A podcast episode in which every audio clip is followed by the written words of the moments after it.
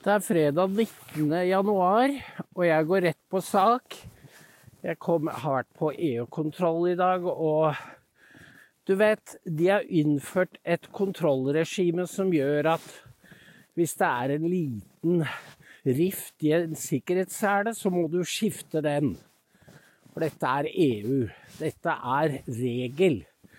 Og det er det Ine Marie Eriksen Søreide kaller det internasjonale regelsystem. Men det er jo noe helt nytt de har innført. Og hva koster en sånn sele? 5000 kroner. Og med arbeid så kom jo dette på 10 000. Og det var den andre verkstedtimen jeg var der. Og da vet jeg at uh, dette er jo det samme som i Amerika. Det er middelklassen som nå får problemer med å betale regningen. For det var altså frosset vann, det var rørlegger, det var elektriker. Det var ting man må bare gjøre. Og så kommer dette på toppen. Og da begynner du å lure på kredittkort, maksgrense og hvor lenge at du må skyve den gjelda foran deg, for du klarer ikke alt med én lønning. Og da er vi over på Amerika. Bare at der er det enda verre. For der makser de ut korta hele tida. De lever på de Underskuddet blir finansiert med kort. Men det sier jo litt om at det er den samme politikken som føres. Og så kommer jeg hjem og må fyre i ovnen. Og ikke bare én, men flere. Og det kan jeg takke Støre og Erna for. Fordi de selger oljen og gassen ut av landet. Mens vi må betale for bioolje fordi Støre skal se pen ut når han kommer til Brussel eller i FN. Den regninga er det han sender han til oss. Sånn at den oljetanken som kostet 20 000 før, og som varte i to vintre, det var ikke så gærent. Og som, den gir mye mer varme enn en bioolje. Men bioolje er tre ganger så dyrt. Så nå Jeg har sagt det, men jeg gjentar det fordi de 60 000 er rent ran. Det er Støre som raner vanlige folk fordi han skal se pen ut når han kommer eh, på de bonede gulvet nede i Europa og i New York. Dette er helt til å spy av. Og det er, det er det samme over hele Vesten. Jeg så begynte å se et, et uh, opptak som The Times hadde gjort med Peter Hitchens. Hvor han spådde at uh, det kommer et Trump-bølge i England hvis ikke torgene tar seg sammen. Og det er det ikke noe tegn til. Det er et parti i oppløsning. Og hun dama i Times ble jo veldig interessert i hva han mente med Trump-opprør. For det er noe disse som er oppvokst i lune, varme hjem med god utdannelse og gode lønner, er veldig opptatt av. Det er opprøret nedenfra. Fordi de forstår det ikke. Og de er eh, tiltrukket av det og hater det. Og det er Hvordan skal de kvele det? Det er jo ved å Det er jo som i, i middelalderen, hvor det var bondeopprør. Det er jo å hogge huet av lederne og straffe fotfolket. Sånn at de husker det i lang tid. Det er det de er i gang med. Men de er jo usigelig dumme, fordi de forstår ikke selv hva de holder på med. Så eh, Nå hørte vi i dag Espen Barth Heide som snakket eh, Sa at eh, Bibi Netanyahu var isolert.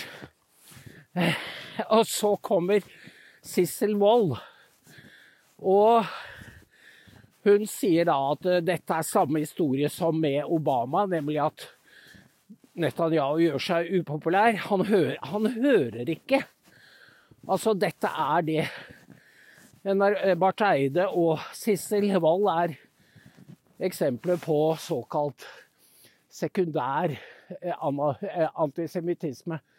Altså, de vil aldri stå frem som det, men konsekvensen av det de sier For det er nemlig en moralisme som de selv bestemmer.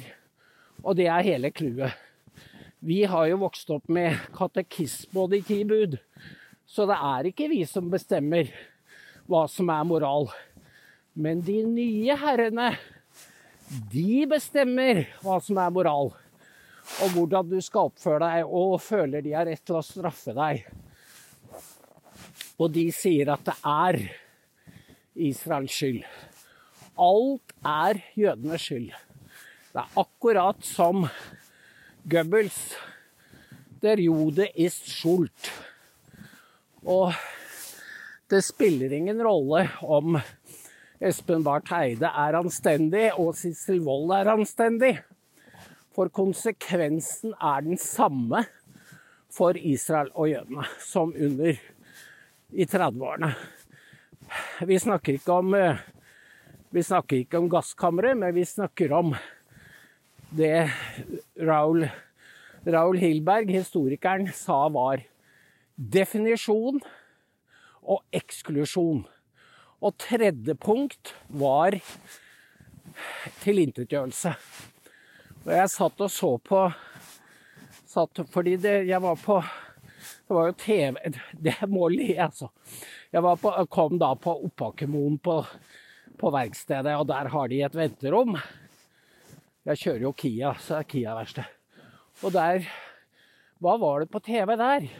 Jo, Al Jazeera. Jeg trodde nesten ikke mine egne øyne. Og der er det jo mange av innslagene var jo om Israel og Gaza, og det var jo ikke akkurat til Israels fordel. Og noe av det er uhyggelig. Det var om en nederlandsk jente som hadde startet en kampanje for Gaza. Som svar på at en gruppering hadde fått i gang en reklame eller kampanje for gislene på Gaza. Og det blir da omtalt som politisering. Hvorfor er ikke det andre synet med? Eh, hallo, skal du være tvunget til å bekjenne eller ta med at palestinerne bomber Altså, er det negativt å ha noe om gislene? Og dette er den forskrudde verden de lever i. Og nå har denne denne nederlandske jenta, den fikk jo masse Den kampanjen har jo tatt av, for det står sterke pengekrefter bak. Det blir jo aldri kommentert av Olavsmal eller NRK hvem som står bak. Og denne flotte damen som hadde lagd kampanje for gislene, hun sa vi, vi har lagt ned vår kampanje. Og sånn dette er eksklusjonen. Først definisjonen, så eksklusjonen. I dette fredagspanelet til NRK så var Nina Grünfeldt med. Og hun er jo da en liberal jøde, sønn av sexologen Berthold, som kom til Norge som flyktning under krigen, eller før krigen, jeg husker ikke. Og hun har vært liberal, men oppdager nå at hun blir definert som jøde. Og det er en sjokkerende opplevelse. Du trenger ikke at noen peker på deg, men det holder jo at de omtaler jøder på en spesielt måte, og det gjør norske medier. Og de later som de ikke forstår hva de gjør. Og den ene paneldeltakeren hadde et som ikke satt i samme studio, hadde et veldig morsk blikk på Nina. Hun var eh, av eh, en annen herkomst. Og jeg tenker dette er en scene som utspiller seg i Norge, der hvor jøder møter andre. Det er blikking. Det kalles jo blikking, men de gjør ikke det når det lærer, når det gjelder jøder. Men man kan jo tenke seg en situasjon hvor læreren er Palestina-sympatisør. Og det blikket en da en jødisk elev får, trenger ikke være fra med andre elever. Det er bare å bruke, bruke fantasien og innlevelsen, så skjønner man hva som skjer. Og når disse elevene kommer hjem og forteller, så har foreldrene som regel en historie som gjør at de forstår hvor Norge er på vei. Men det gjør ikke Espen Barth Eide. Fordi han er Han blir høy på sin egen moralisme. Og det han sier, er bare tull. Fordi palestinske selvstyremyndigheter er så korrupt. De står ikke klar til å styre Gaza. Men til og med han Jørgen Jensehaugen i Prio sa jo, eller ble intervjuet av NTB i går og sa at tostatsløsningen er død. Og det er helt riktig, og forklaringen er jo enkel. Det er 7. oktober. Og hvis en, en palestinsk stat skulle oppstå, så måtte Israel ha full kontroll. Og det får de ikke, og da får de et nytt 7. oktober. Og det behandler Barth Eide som et moralistisk spørsmål. Altså, man må forstå deres traume, men hjelpe dem å komme over det.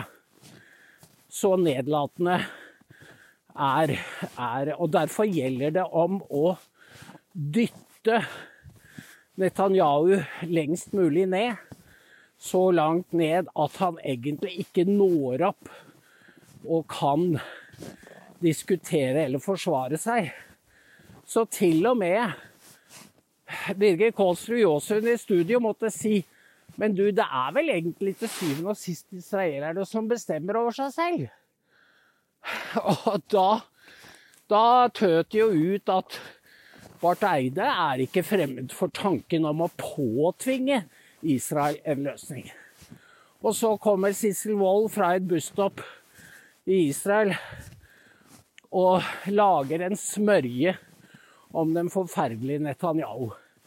Det er rett og slett Det er rett og slett pinlig å høre en erfaren reporter som ikke har satt seg inn i det mest elementære.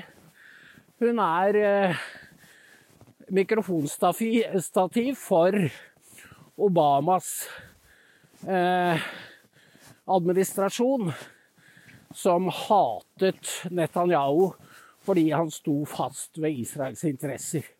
Og så presterer hun å si at, at Netanyahu forsøkte å torpedere Iran-avtalen hjemme i USA. Og likevel fikk ga Obama Israel 48 milliarder over var det fem år. Så utakknemlige er Israel. Det var jo budskapet. Ingenting om Obamas feilslåtte politikk. Ingenting om Iran-avtalen.